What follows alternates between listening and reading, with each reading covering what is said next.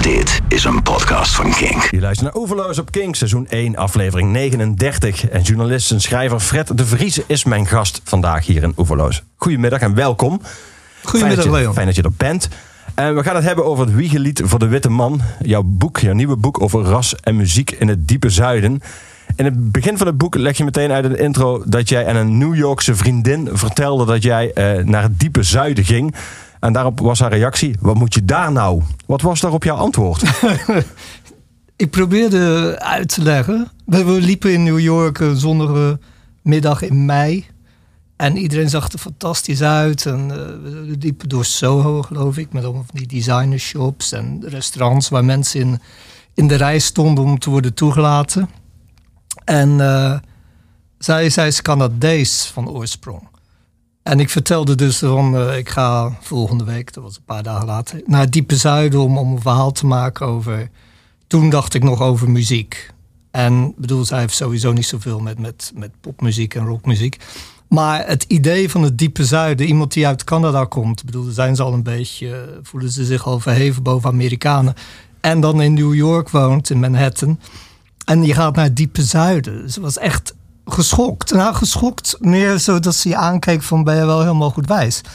Dus toen probeerde ik uit te leggen van, nou ja, daar komt de muziek die ik heel mooi vind. Die, die is daar geboren, de blues en de soul en de rock and roll. En dan, dan klikte ze een beetje. En uh, ik, ik woon zelf in Zuid-Afrika. Dus toen, toen probeerde ik ook nog een beetje uit te leggen van uh, zwarte minderheid, zwarte meerderheid. Hoe je als witte voelt in, in een minderheid of in een meerderheid. En dat ik ook ging kijken een beetje naar de Nederlandse geschiedenis. Want wij hebben natuurlijk ook uh, kwesties met, met, met kleur en slavernij. En we hebben Surinamers en Antillianen en Marokkanen. Maar dat, dat bedoelden we zelf, we er niet zoveel van. Dus op een gegeven moment vonden we een, een, tent waar wel plaats was. En toen zijn we daiquiris of zo gaan drinken. En ze, ze, ze schudden de hoofd nog een paar keer en dat was het. Heb je het boek uh, inmiddels naar haar opgestuurd? Nee, ze leest geen Nederlands. Moet het wel doen, ja. je hebt een lange tocht Ze weet niet dat ze erin voorkomt. Nee, oké. Okay, nou, dat zal een prettige verrassing zijn. Want dat heeft uiteindelijk wel... Uh, datgene wat jij in het boek probeert uit te leggen... en waar je denk ik maar mee opgehouden bent... heb je eigenlijk wel uitgewerkt. In, in, in, verschillende reizen. Je komt onder meer in Atlanta terecht. En daar zie je de pizzeria waar jouw favoriete zangeres ooit geld bijeen sprokkelde om muziek te gaan maken. We gaan naar haar luisteren. Hier is uh, Cat Power.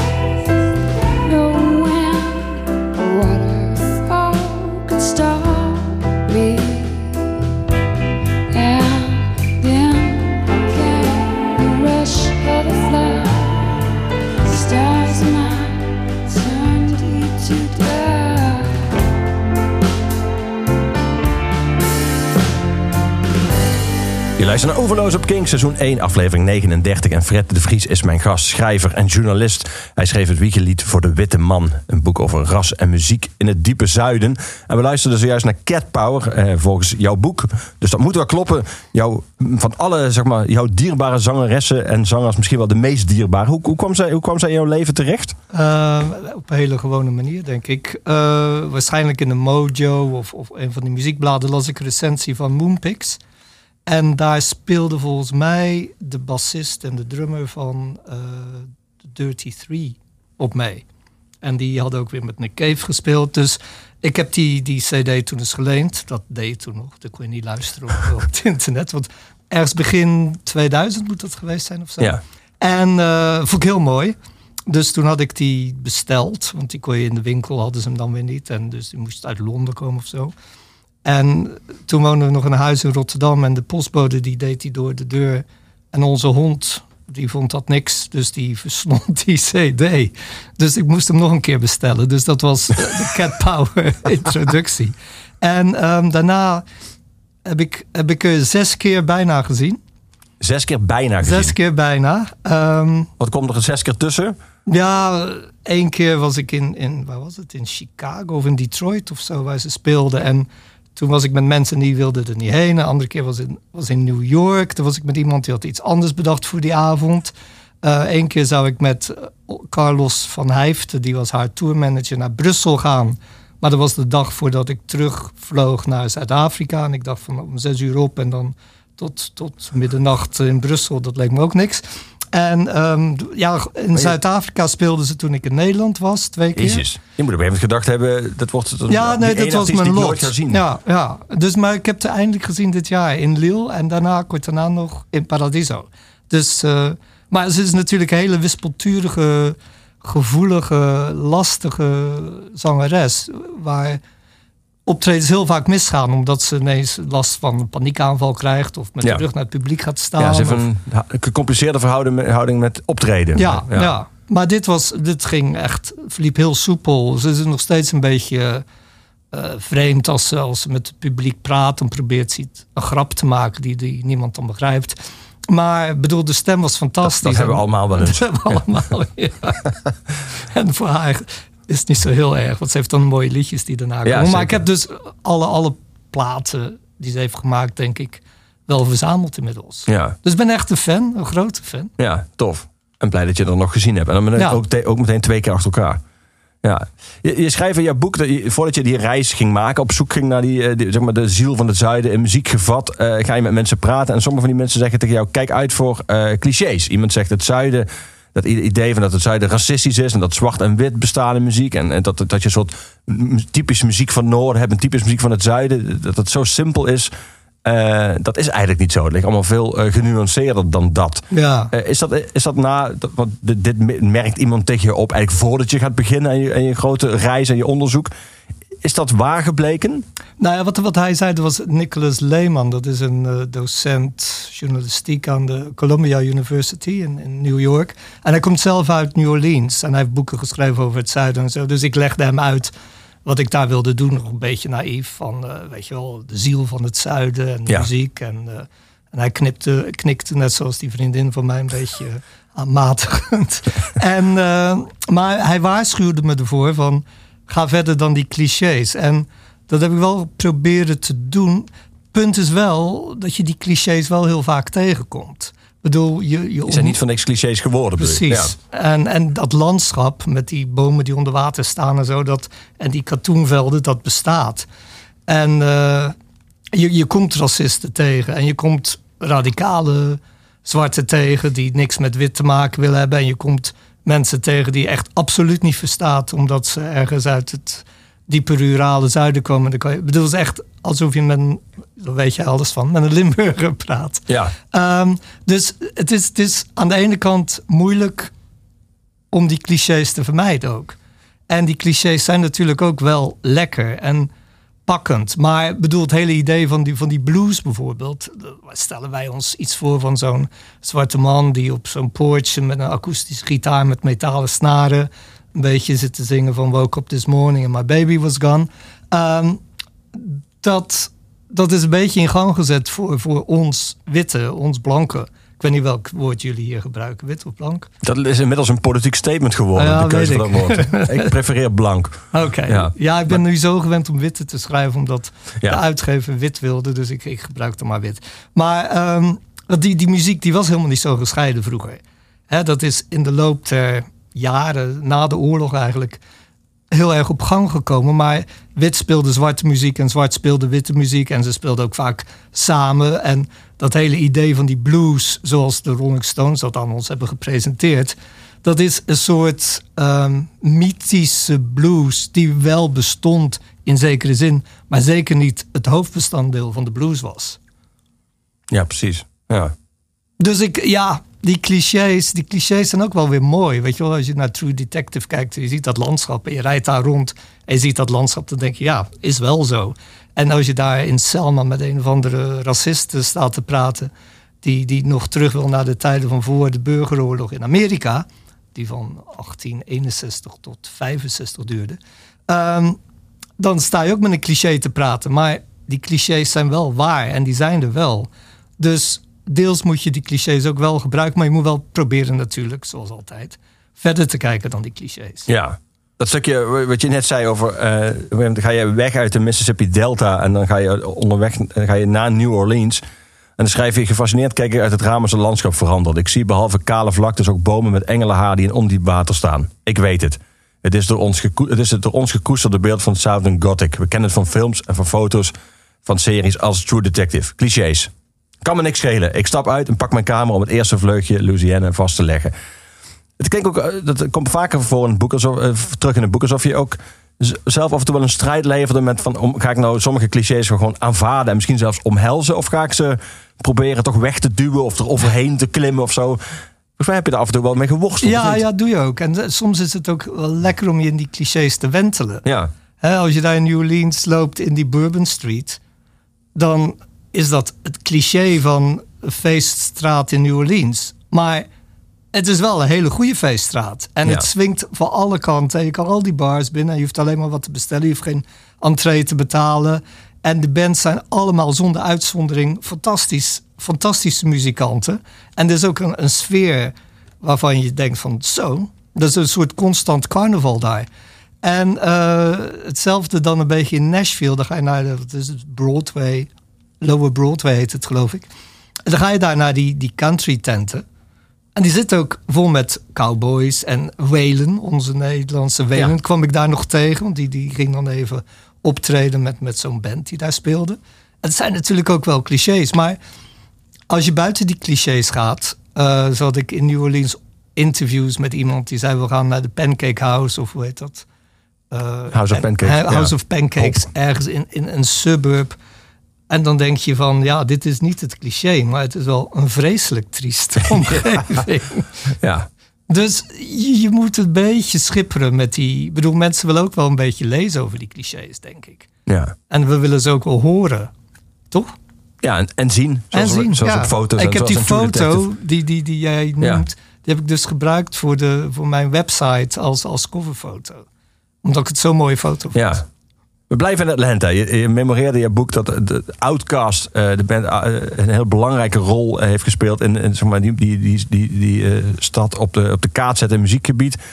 En dan noem je ook de artiesten die daar vervolgens op door konden bouwen. En dan kom je uit bij Killer Mike. We gaan luisteren naar Run the Jewels met Legend Has It.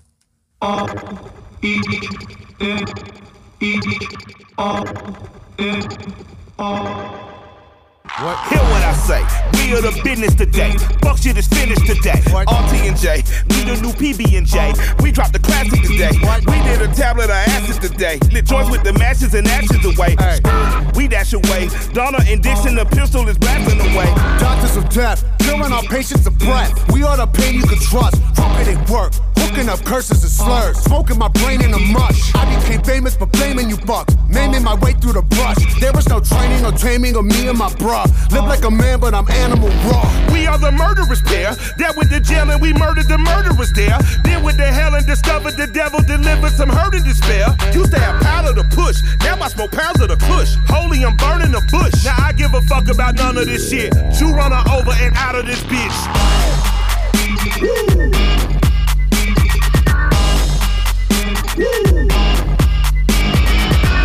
Step into the spotlight. Woo. Woo!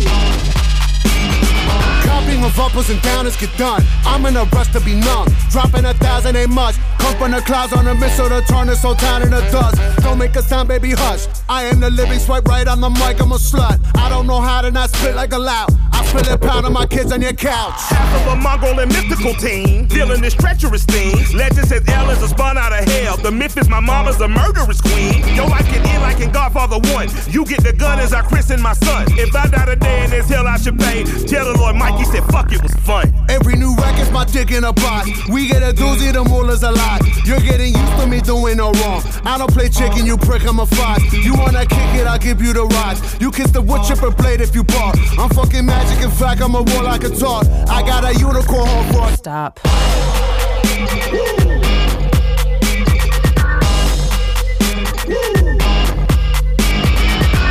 Step into the spotlight.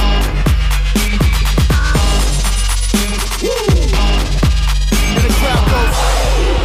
And the crowd goes. And the crowd goes. And the crowd goes.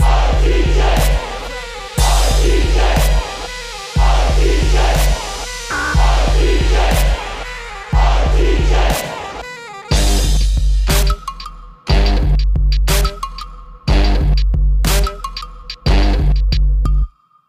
Pin the jelly won't snitch. I rent a room at the Ritz. I sip a fifth of the whiz. I Uh. smoke a dub in the tub. Then I will split both my wrist. I'll pull a sword on you since, just for the flick of the wrist. Get your neck given a miss. Me and my skip away whistling and grin. Every day's golden when you only win. Bullying bastards and beating on beats. Sounds like a day at the beach. Preach. I keep it middle school step on your feet. Before you can speak, blow to the feet.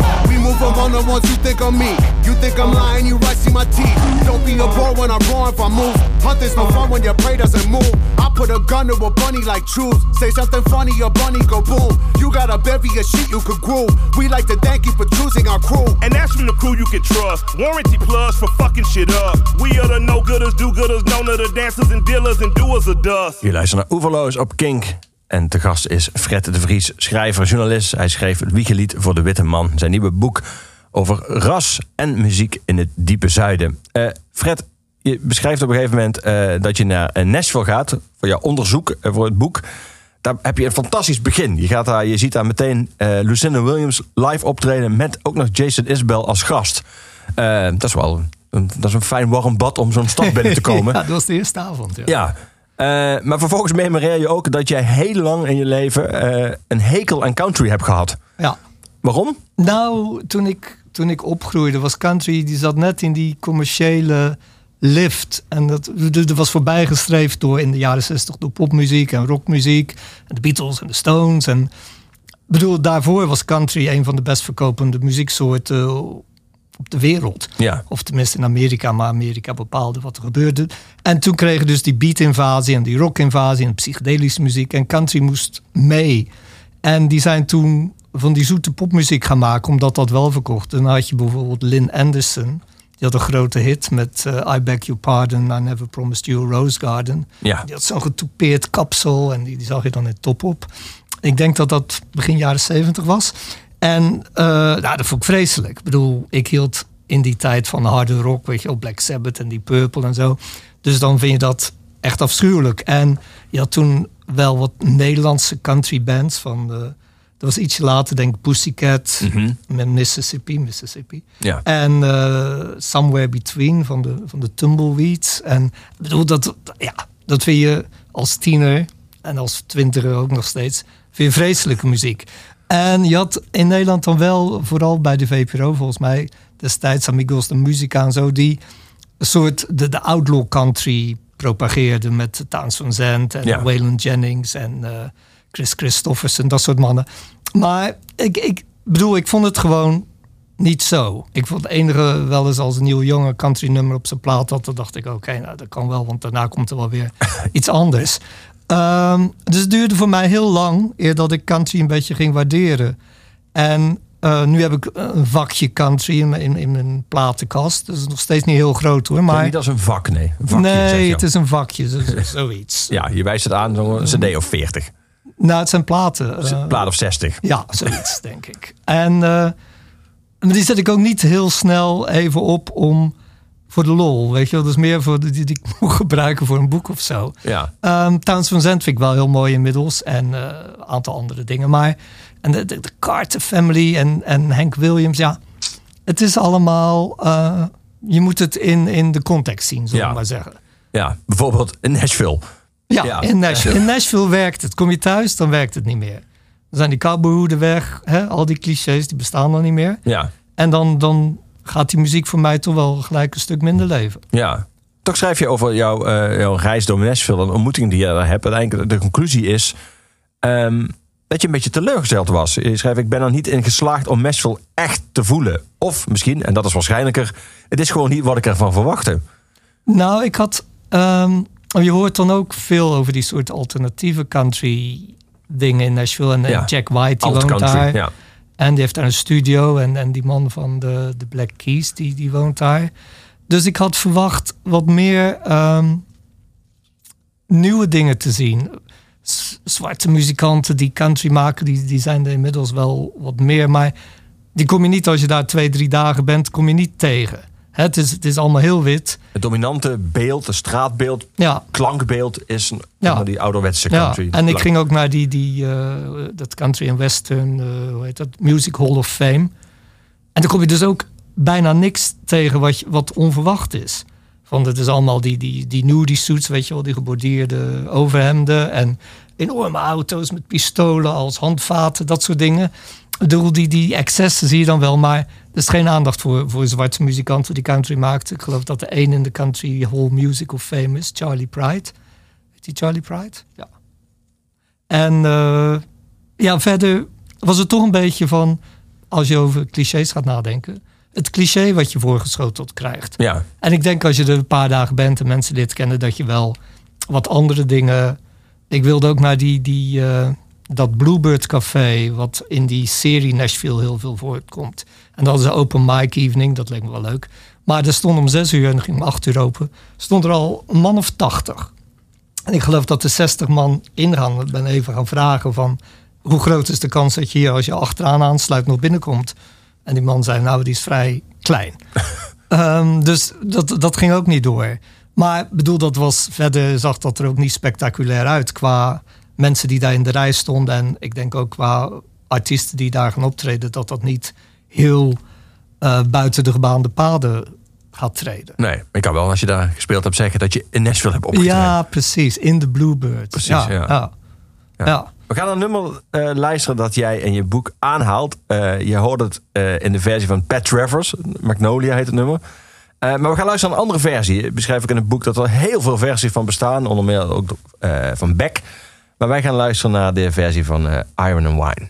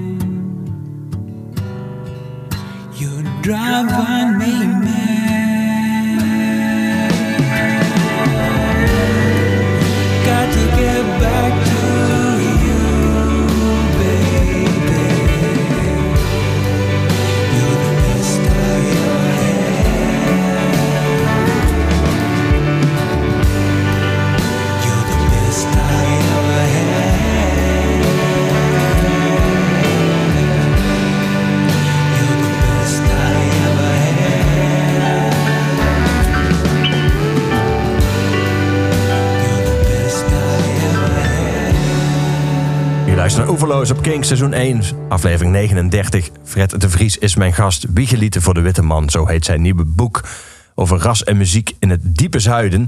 Eh, je gaat ook terug naar je eigen roots uiteindelijk. Als je eh, begint te vertellen in het boek wanneer jij de eerste keer naar popmuziek begon te luisteren. En dat was eh, in 1970 bij Radio Veronica. Ja. Eh, dan, ik, ik, ik zie het nog voor me. Ik zat aan de grote tafel in onze woonkamer. En we hadden, mijn ouders waren niet zo van de muziek. Dus we hadden alleen een soort transistorradio. Die had je toen, transistorradio's. En ehm, zij waren boodschappen doen of zo. En ze zei, ga jij maar hier zitten. En ik zei, ik wil naar Radio Veronica luisteren. Ehm, want daar had ik dan van gehoord, denk ik, op school of zo. En dus eh, 192 zaten die toen. Dat was... eh, Ik heb de frequentie zelfs nog. ja, ja, dat was echt. eh, had- en da- daarna werd het 538. Ja. Ehm, Daar zit nu een ander station. Het gelijknamige station. ja, dat, dat Ja. zal, ja. En de- die hadden zo'n boot, hè, die zat eh, op de Noordzee. En daar zonden ze vandaan uit. En je had ook Radio Noordzee. Daar waren die piraten. En ehm, dus het, ik denk dat het de zaterdagmiddag was of zo. En dan had je de top 40. En dan draaiden ze, dat waren goede jaren, 1970. Dus, dus Black Sabbath met Paranoid stond dan in de top 10. En ik denk dat eh The Golden Earring met Back Home, dat vond ik fantastisch. En Shocking Blue met Never Marry a Railroad Man. Dus dat was voor mij echt een eye-opener. Maar ik weet nog zeker die impact van Paranoid van Black Sabbath. Dat, dat, dat was kort, snel. eh, had geen refrein eigenlijk. Nee, maar nee. het denderde er heel hard door. En dan uh, een soort middle age zat er nog wel in. En dan was het klaar. En ik dacht van, jezus. Ik bedoel, dat was echt een, een eh, openbaring. Ja, zo mogen we het wel noemen. En is dat heel lang jouw muziekidioom gebleven? Zeg maar hard tegen hardrock aan de hangende... Ja, ik was het gewoon hardrock. Het begin van de hardrock zou je kunnen zeggen. Ja, ja toen, toen op school, op de middelbare school waar ik zat, daar had je de, de, de, de- de leerlingen die verdeelden zichzelf onder in blues en soul. En blues had dat heel weinig met blues te maken natuurlijk, maar dat was die soort bluesrock die toen gangbaar was van Ten Years After en The Free en Deep Purple en Black Sabbath. Dat was al amper blues meer te noemen, maar ze hadden blues-schema's. En soul, dat was eh, voornamelijk zwarte muziek, dus James Brown, eh, Barry White, Isaac Hayes, eh, God weet die. eh, nou, ik kon even niet opkomen. Dat soort OJ's, weet je wel, die, die Philly sound. En ehm, ja, ik zat dan in het, in het hardere segment. Eh, maar er kwamen al snel toch wel andere dingen bij. Je, je had natuurlijk de, de wat meer proggy dingen als Pink Floyd en Jethro Tull. Maar ook zeker door, door bands als, als The Eagles en eh, Crosby, Stills Nash Young kwamen daar die invloeden bij van folk en country. Ehm, dus je, je, dat deed je wel stoer tegen je vriendjes van... eh, hebben die nieuwe plaat van het Zeppelin gehoord? maar dan thuis draaide die stiekem Neil Young met eh, See the Lonely Boy Out on the Weekend. Om je lekker miserabel bij te voelen. Dus het, het, het, het palet verbreedde zich. En Ja. en, eh, ja op een gegeven moment eh, heeft die hardrock ook wel zijn, zijn tijd gehad. Weet je wel, van een, een 74 of zo. Dan krijg je Boston en dat soort bands. Daar kwam niet zoveel meer aan. Ehm, dus dan, dan ga je naar andere dingen. En, en glamrock was natuurlijk ook groot toen ik Ja. die leeftijd had. David Bowie, Slate. eh, en daarvoor Alice Cooper. Ja, dat was ook leuk. Dat waren top 40 hits, maar wel goede hits. Ja. Had je ook, krijg je behoefte van om zelf muziek te maken? Of heeft dat nooit gespeeld? Ja, heel graag. Maar ik heb altijd met mijn ouders nagedragen dat ze me nooit eh, muziekles hebben gestuurd. Maar toen ik jaar of 16 was, kocht ik dan een akoestische gitaar. En dan eh, ga je proberen House of the Rising Sun na te spelen. Want dat is heel makkelijk. En Angie, weet je wel, die Ja. openingsakkoorden, heel mooi. En eh, op een gegeven moment hebben we ook een, een band opgericht. Maar toen studeerde ik al, dat was in 1979 of zo, een punkband. Want punk dat brak natuurlijk alle regels. En dan hoefde je helemaal niet goed te kunnen spelen. Drie akkoorden, twee akkoorden, dat was al genoeg. En wat boze, boze teksten schreeuwde je dan. En we hadden dan een band, Zero Zero heette die. Ehm, Goeie punknaam. ja, goede punknaam. Het was vernoemd, bleek, naar Marokkaanse hashis. Die ze destijds in Exit in Rotterdam op de trap verkochten. Zero Zero, Zero Zero. En eh Rode Libanon, weet je wel. Dat, maar wij dachten Zero Zero, hè, nieuw begin. eh, we beginnen bij nul. Ja. En dus dat, dat was een beetje eh, het idee achter de naam van die band. En we hebben ooit drie nummers op een verzamelplaat gezet. Oké. Dat, dat is ons, eh, Claim to fame. ja. Je noemt eh, Black Sabbath noemde je en Golden Earring en Shocking Blue. Je noemt ook in het boek eh Clearance Clearwater Revival. Die waren ook in 1970, stonden die in de top 40. Toen jij op dat transistorradiootje luisterde toen je ouders boodschappen gingen doen. We gaan luisteren naar hun eh, misschien wel bekendste nummer, maar dan in de nog punkier en nog rauwere uitvoering van de Dropkick Murphys die in februari in de Ziggo Dome speelden. Hier is van CCR Fortunate Son door de Dropkick Murphys.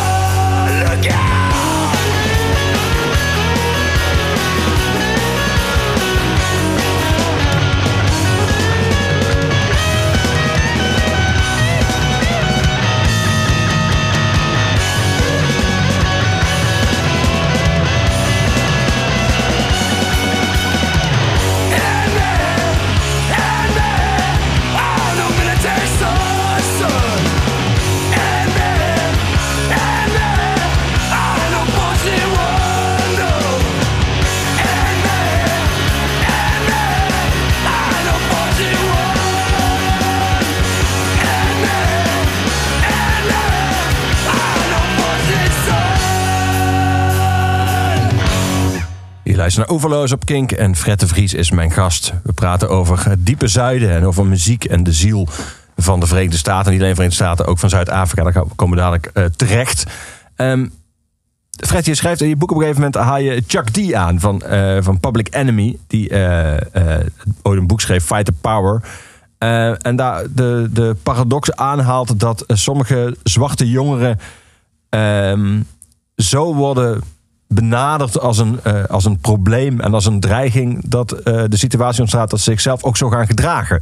Je, je komt daarop als je eh, in, volgens mij in New Orleans, als je op straathoek sommige jongeren ziet die daar gangsterraps aan te draaien en je schrijft maar al te goed weten dat ze bedreigend overkomen.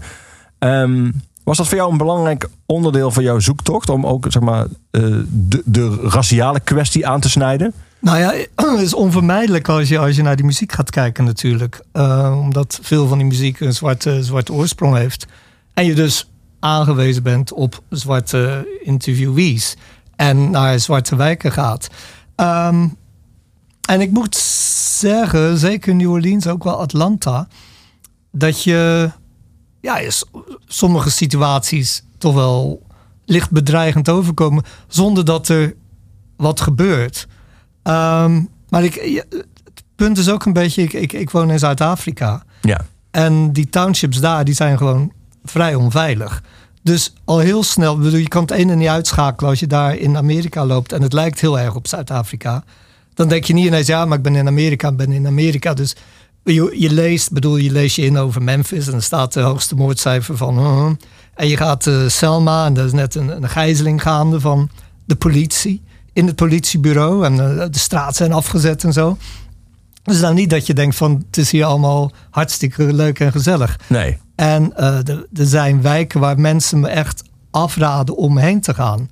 En ik zei van ja, maar als ik daar dan met mijn auto rondrijd, ja, dan denken ze dat je of een dealer bent of een drugsgebruiker. Want wat moet een wit gezicht daar in, ik weet niet hoe die wijk heet, het was ergens in, eh, in Atlanta. En toen bleek later dat ik er toch geweest was, per ongeluk. En dat was helemaal niet bedreigend. Maar goed, ehm, New Orleans heeft ook een rare opzet dat het niet zwarte wijken, witte wijken heeft en zo. Maar dat het ene stuk van de wijk heel gezellig is. En dan ga je een hoek om en dan kom je in een ander stuk. En dan blijkt dan een stuk minder gezellig te zijn. Ja, ja. Maar bedoel, dan, dan ben je daar.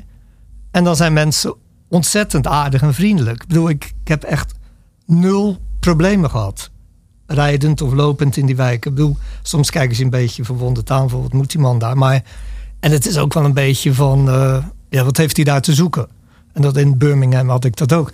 Dus, en Had je je, ook iets, had je ook iets te romantisch beeld ook van? Je schrijft als je in New Orleans loopt, dat je ziet eh, jongens eh, met BMX-fietsjes op, op, op een hoodies op, op straathoeken. En dan schrijf je, er klinken blazers nog trommels. Alsof je ook verwacht had van die stad is zo Ja. bruisend en zo muzikaal. nee, maar dat was toen ik naar dat eh, Congo Square ging. Ja, in, in, in het Louis Armstrong Park. En Congo Square is waar heel vroeg in de, in de 19e eeuw eh, slaven mochten dansen en muziek maken. En dat is toen later een soort monument geworden. Dat heet Congo Square. En er staat dan een standbeeld van zo'n Mardi Gras Indiaan op hoofd. En eh het is niet echt Indianen, maar het zijn zwarten die, die eh, kleding aan hebben. Die, Mhm. En een eh, standbeeld van Louis Armstrong. Maar ik had me daar heel veel bij voorgesteld, bij dat Congo Square. Ik dacht van, weet je wel, de geboorteplaats van de jazz is het. ja, ja. En zo wordt het ook genoemd en gezien. Dus ik kwam daar en dat is helemaal leeg. Het was, ja, het was een doordeweekse dag om een uur of vier, vijf 's middags. Maar ik verwachtte in ieder geval iets. ja dat je, En het enige, bedoel, een paar vervallen gebouwen stonden in de buurt. En van die jochies die op van die BMX'jes met die capuchons op. ja, ja. Dan denk je niet van, god, wat is het hier gezellig meteen. Ehm, Maar en- dat, lijkt me een wonderlijke ervaring die jij eh, een paar keer hebt gehad tijdens die reizen. Dat jij zelf bewuster bent van de geschiedenis van bijvoorbeeld zo'n plek dan de mensen die daar toevallig eh, rondhangen of eh, zijn. Ook omdat jij natuurlijk met een soort missie daar bent. Ja, en die mensen ja. zijn gewoon daar Ja. aan het fietsen of aan het lopen. Of Ja, of drugs aan dealen. Of, Ja. ja, nee, dat is ook zo. En heel veel mensen weten er ook minder van dan jij. Wat op zich ook wel weer interessant is. En misschien is het ook wel goed dat je als, als jonge zwarte niet per se de hele tijd geconfronteerd wil worden met dat verleden van die slavernij en zo. Ik bedoel, ik weet niet hoe dat werkt in iemands hoofd. Ik had ook zo'n jongen geïnterviewd in Atlanta. ehm, Parks heette die. En eh, die kwam uit, zo'n, uit die wijk waar, waar die jongens van eh Outcast ook vandaan komen. ja. En die had een moeder die.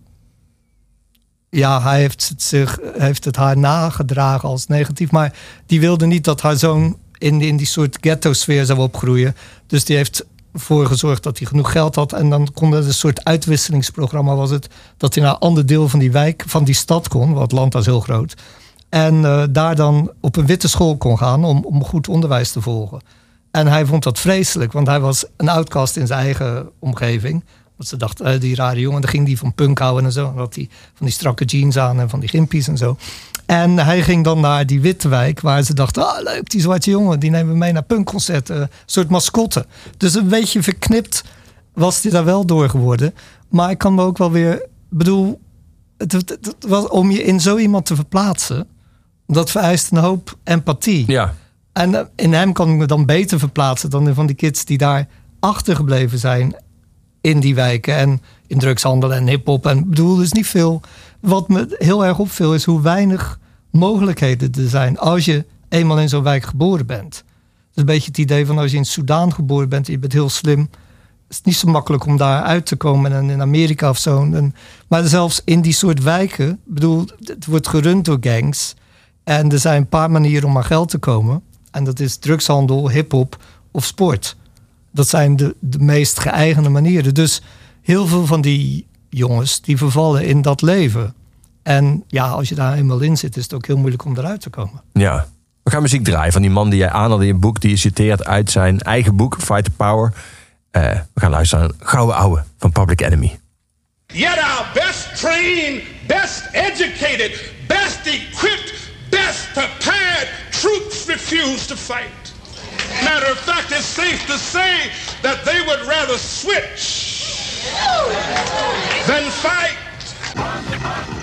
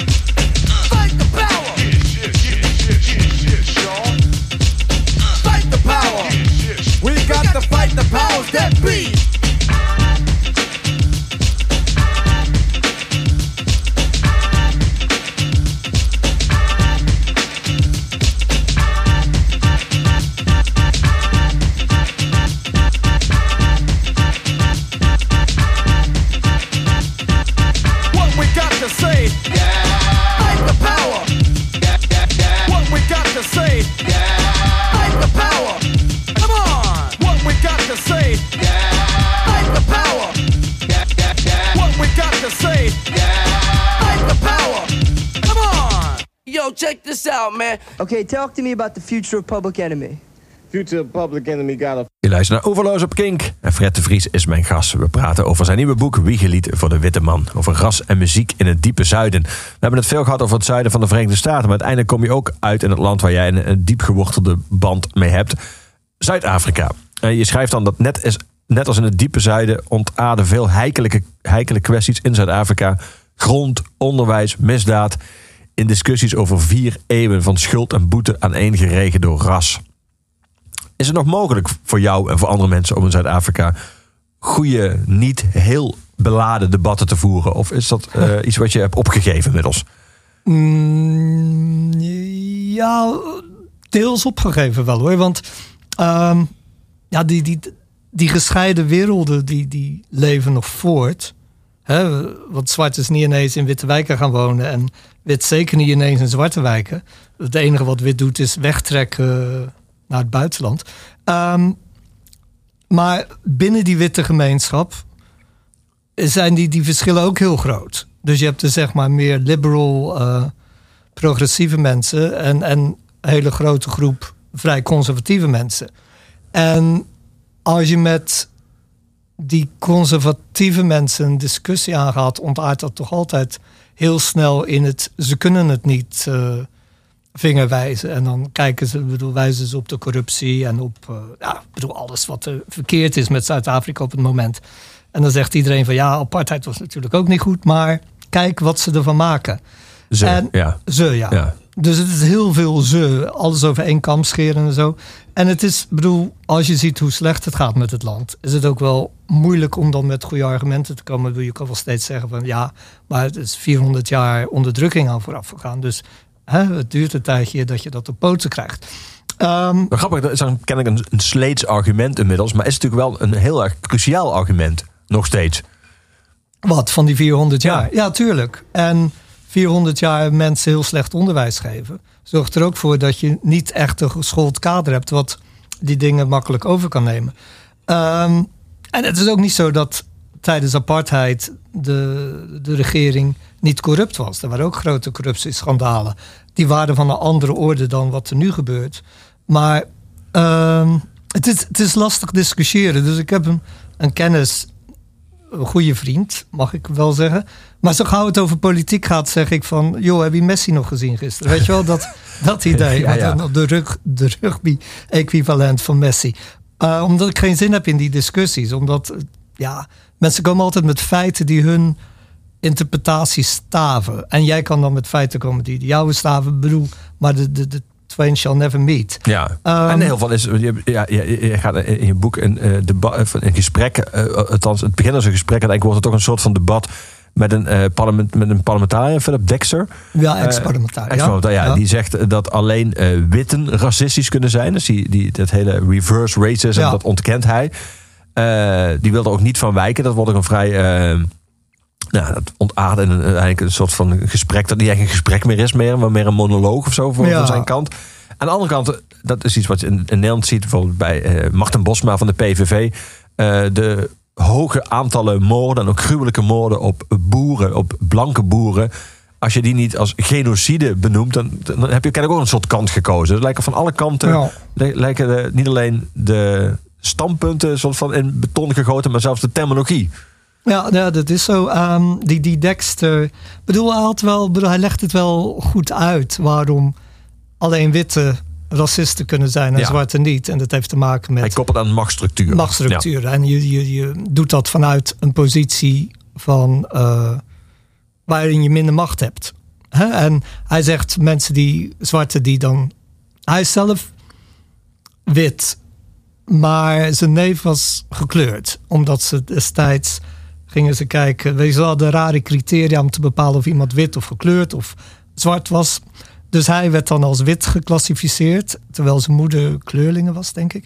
En zijn neef, die werd als kleurling geclassificeerd. Dus die had veel minder rechten dan hij tijdens apartheid. Heel bizar. Um, dus hij, hij kent beide werelden. Hij kent de gekleurde wereld en de witte wereld. En bedoel, zijn redenering was op zich wel goed. Ik vind het, bedoel, als je daar woont als wit en je hoort hele anti blanke, anti-witte sentimenten, dan denk je niet van. Ja, maar dat moeten we allemaal in perspectief zien. Ik bedoel, denk je wel van, joh, idioot, hou je mond. Ja. Want, hè, bedoel, het heeft allemaal niet zo heel veel zin om, om dat soort dingen te gaan gillen. Um, en je ziet wel dat die rassentegenstellingen steeds sterker worden, ook, ook in Zuid-Afrika. Net zoals in Amerika. Zuid-Afrika volgt Amerika altijd een beetje. Ja. En het is heel moeilijk om daarmee om te gaan. Hè, je, aan de ene kant wil je empathie tonen en, en proberen begrijpen waar iemand vandaan komt en waarom die zegt wat hij zegt. Aan de andere kant geldt het jou. Ik bedoel, als ze alle witte in zee willen drijven, dan hoor ik daar ook bij. En iemand gaat zeggen van, dit is geen paspoort van wokefulness. Nee, van nee. dat jij x aantal kruisjes op je paspoort hebt en dat betekent dat je, dat je woke genoeg bent. Ehm, dus eh, het is, het is moeilijk om, om daarmee om te gaan. Ja, En ik heb ook niet een pasklare oplossing daarvoor. nee. We gaan muziek draaien. We gaan muziek draaien niet, die niet met dit onderwerp te maken heeft, maar die al een voorschool is waar ik het dadelijk over wil hebben. Want dit is zeker niet jouw eerste boek. Je schreef onder meer in 2006 een boek over eh, de underground van de jaren 80. Maar dan in Parijs en in Londen en Slovenië en Amsterdam, Johannesburg, New York. Je ging toen op zoek naar het. eh, nou, zoals eigenlijk nu op zoek gaat naar de ziel van het zuiden, ging je toen op zoek naar de ziel van, eh, van de underground. Die kwam uit bij de postpunk. En je, haalde daar een band aan en daar ging je ook uitgebreid mee in, gesprek. eh, die volgens mij nou, misschien niet zo belangrijk voor jou is als Cat Power, maar wel een grote rol speelt in je leven. We gaan luisteren naar Sonic Youth.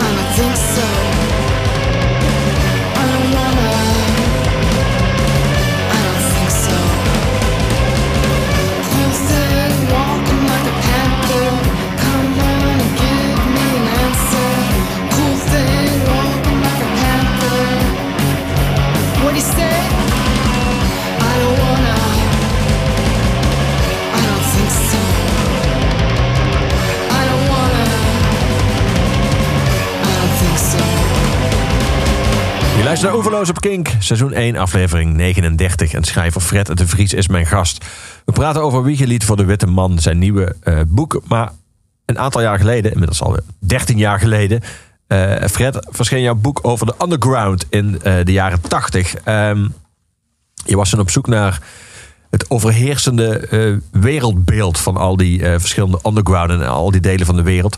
En dan kwam je uit bij de term postpunk en citeerde je nog Dirk van Weelde die het had over tactisch negativisme. Kun je dat nog herinneren? Ja. Ja. Die, de- de- wat, wat je toen aantrof eh, in al die kraakpanden, kelders, donkere clubs.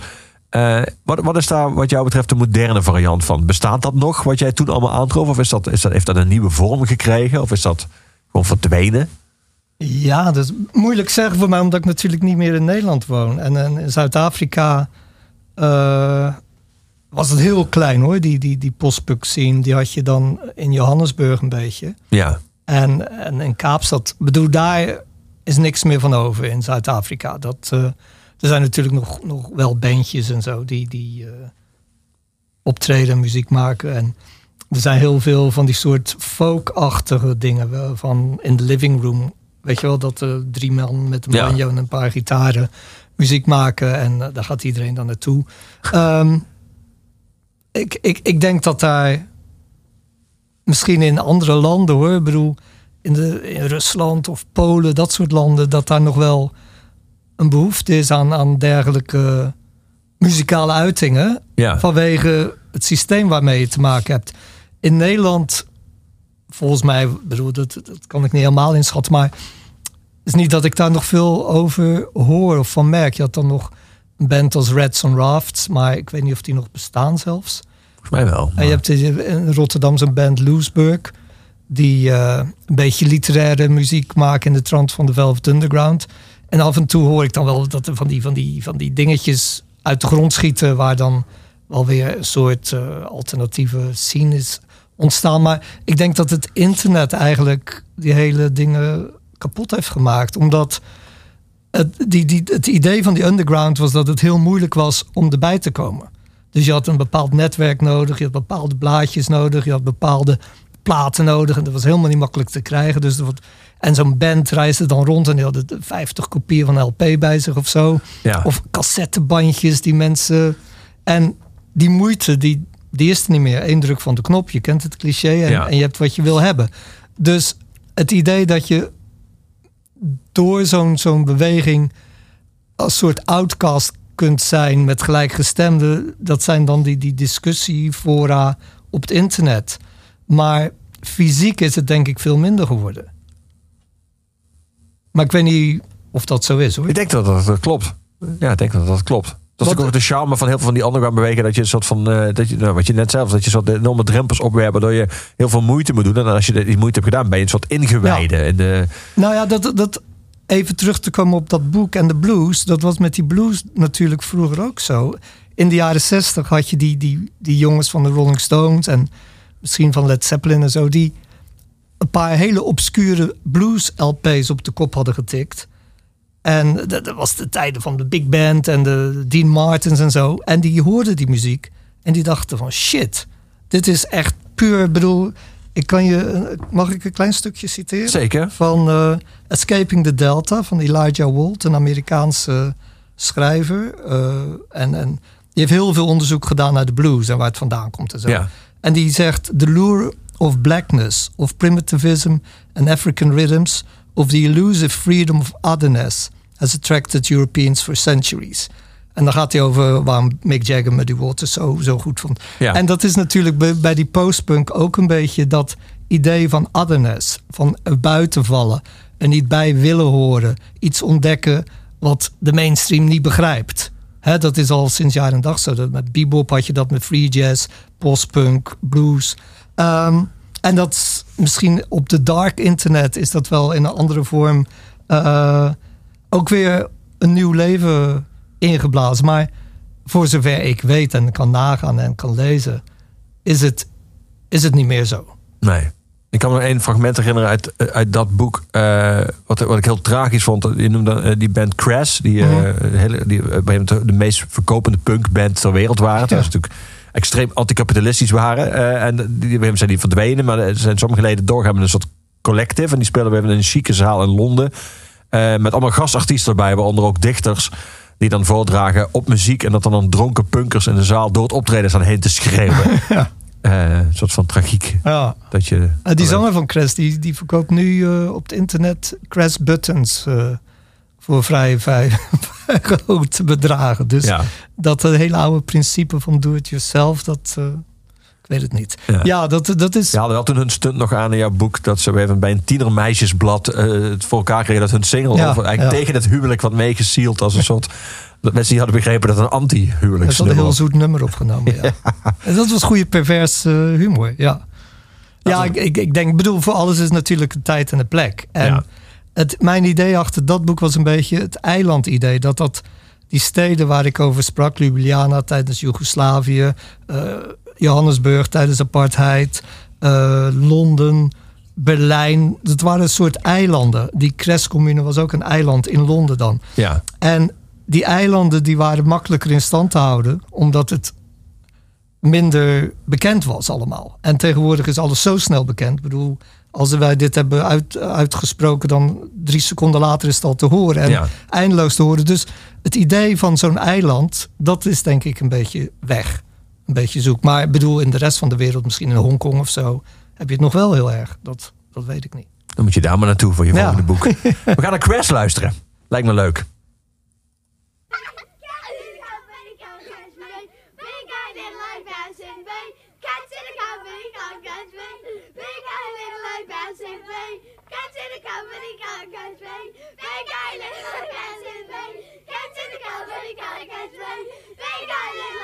Big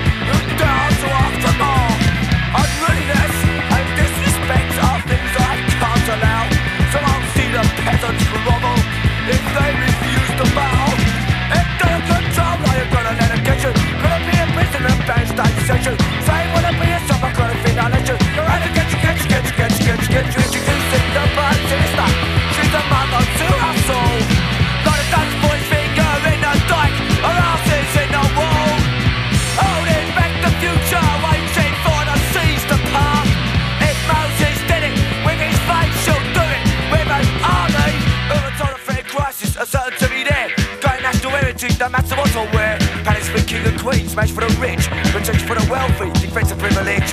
They've learned the ropes tonight, against the civil war, fighting for the ruling class, their battle against the poor. So I just knowledge is this island of mine. Right being for the bollocks, you better than behind. Right every other corner, stand and see when I let fall. God of the future, in the law. It dares to remind that I'm mad what you do. done. If that is the thought, then it's three yards on you. You've to have the volley, you'll have a telescope, and got to have a. It's just a bit low. You've got methods to undermine our bound. It's time to change the table, the future.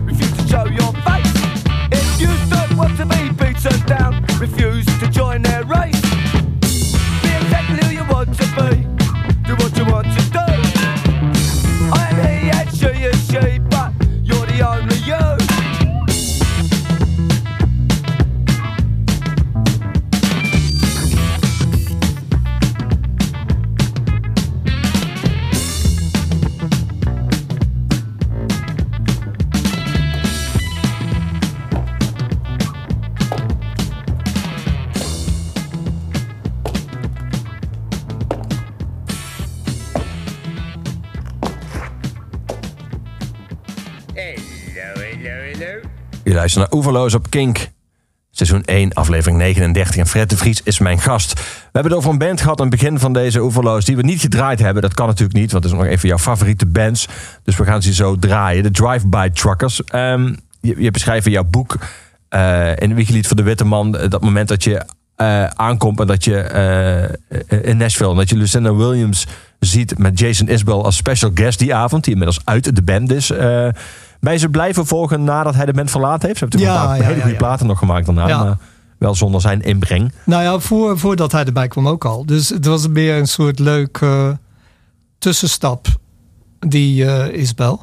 Ehm, nee, maar daarna vind ik ze eigenlijk beter geworden. Ik bedoel, hij maakte mooie liedjes en zo, maar het paste niet helemaal binnen de band en het genre. Het was iets te lief. Terwijl zij toch ietsje meer echt Southern rock spelen in de, in de traditie van Lynyrd Skynyrd en eh Allman Brothers en, en dat soort bands. Ehm, ja, dat optreden, ik, ik heb ze nu gezien.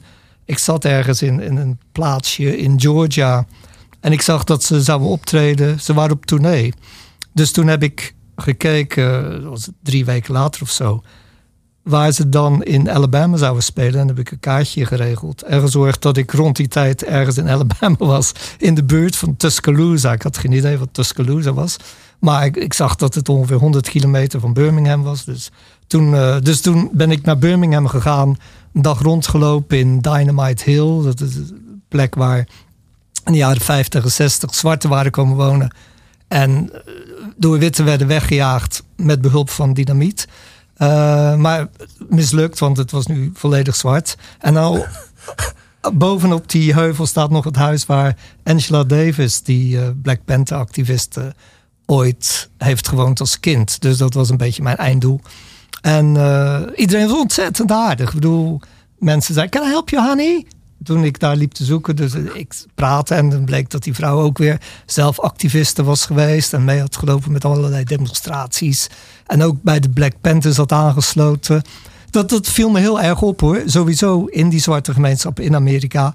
Hoe behulpzaam mensen waren voor mij als witte buitenstaander te helpen. En, en uren met me te praten en dingen uit te leggen die, die ik dan als, als buitenstaander helemaal niet begreep.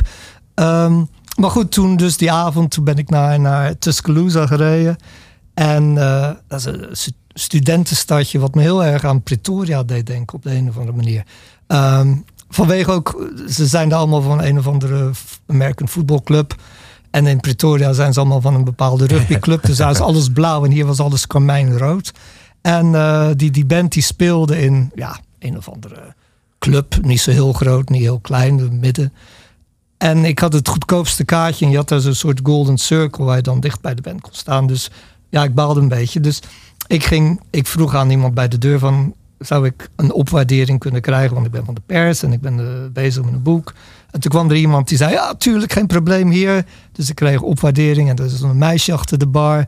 En als ik wat bestelde, zei ze, nee joh, je hoeft niet te betalen. Dus dat echt, alles klopte die avond.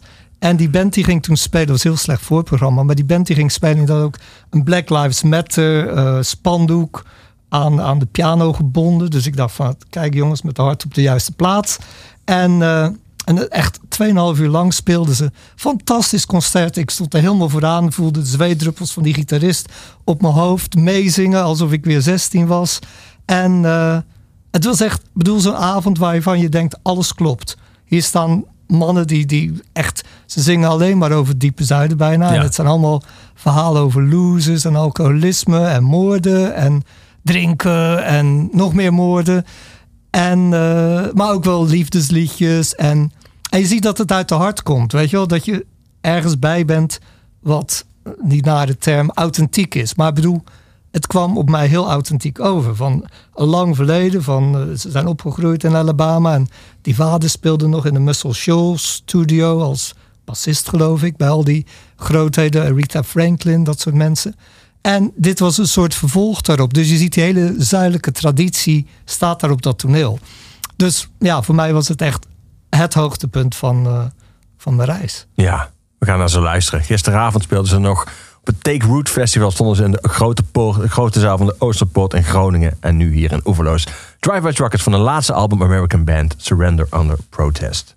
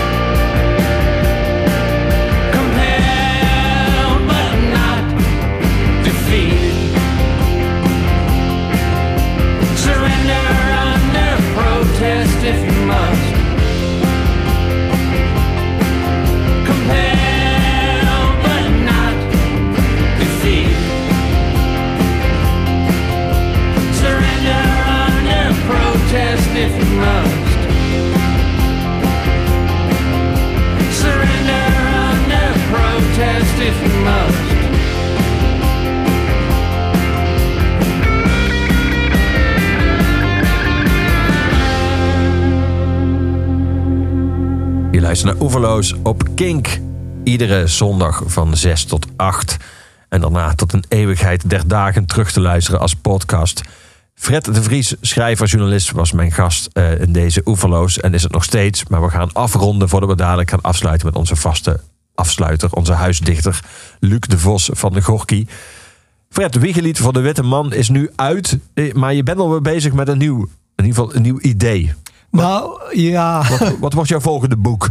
Nadat we Ehm. de underground hebben verkend en de, het, zuiden, het diepe Hmm. zuiden hebben verkend. Waar, waar, ga je nu naar Dan op gaan we naar de overground. Ehm, nee, ik heb ik, met een, een, een, vriend van me, Siebe Tissen, hebben we een serie artikelen geschreven ooit over prog-rock. Voor het Illustre Platenblad. Dat is een klein soort hobbyblaadje wat eh, ergens in Groningen wordt, wordt vervaardigd. En we hebben toen 25 platen gekozen. En geprobeerd om, om niet de, de, de, de clichéplaten alleen maar... Ik bedoel, je ontkomt niet aan Pink Floyd en Yes en dat soort dingen. Maar om ook ruimte te geven aan wat wij zien als serieuze... Het idee van prog destijds, eind jaren 60, begin jaren 70... was dat popmuziek, rockmuziek een serieuze kunstvorm moest worden. Dus je had bands als King Crimson, Ja. Van de Graaf Generator... Ja, Pieter Hemmel. Pieter Hemmel, dat soort. En die zagen echt potentie voor popmuziek, rockmuziek als, als een serieuze kunstvorm. En die hebben dat ook geprobeerd. Dus die, die, die eh, visie hebben wij geprobeerd vast te leggen in die 25 platen die we geko- gekozen hebben. En dan houden we ergens op, begin jaren 80, met eh, Wire. Een soort punkband eigenlijk. Maar die op het Harvest label uitkwam, wat een prog label was. Ja. En die ook heel erg beïnvloed is door vroeger Pink Floyd. En we hebben er nog één uitstapje naar Radiohead. Omdat dat destijds toch ook wel weer de nieuwe Pink Floyd werd genoemd. En Radiohead had, had enorme hekel aan dat etiket prog. Maar ze passen wel binnen ons, onze definitie van prog. Als in dat er geëxperimenteerd moet worden. Dat het weg moet van de, van de, de, blues rock clichés. Dat de teksten wat voor moeten stellen. Dus we hebben ook Einstütz en de Neubauten bijvoorbeeld erin. En This Heat. En ook de eerste LP van Roxy Music. Omdat dat ook een soort prog monument is. Ja. In mijn ogen. Brian Eno was een hele belangrijke invloed in de hele prog-geschiedenis. Dus het idee is om een soort alternatief verhaal te vertellen over serieuze rockmuziek aan de hand van 25 platen. Cool. Ja. Wanneer, wanneer kunnen we die verwachten? Nou, die die stukken zijn af, maar we moeten nu een uitgever vinden en we moeten ze herschrijven Ja. zodat ze in een, in een boekvorm passen. Ja, het, en eh, er nog natuurlijk ook hoofdstuk bij uiteraard. stukjes. Tool, ja. Nou ja, die vriend van mij, Sieber, die, die, die is helemaal van Tool. Dus dat, eh, en er zitten ook autobiografische elementen in en zo natuurlijk. Ik bedoel, we spreken zo'n plaat, maar ook waarom die, als jij 17 of 18 of 19 of 23 bent, belangrijk voor je is. En bij Rush gaan we ook in op Ayn Rand en dat gedachtegoed van Ayn Rand. En Ja. die soort eh ubermensch idee. Dus het, het, het- op zich moet het een soort gezamtkunstwerk worden. Dat vind ik al heel erg een prog-rock term. dus dat is goed. Ja, die moet je zeker de titel gebruiken. Dankjewel dat je was. Vandaag Graag was leuk. We zien jou over eh, een paar jaar. Als het prog-rock boek uit is. paar Ja, jaar, een paar maanden. Nou ja, prog-rock he- heeft altijd tijd nodig. Ik wou nu ook afsluiten met een nummer, een prog-nummer. Maar daar heb ik geen tijd meer voor, want het duurt Nee. altijd 20 minuten. Dus we gaan afsluiten met onze vaste huisdichter. Hier is Luc de Vos van Gorky en met Gorky. Met de live versie van Boze Wolven.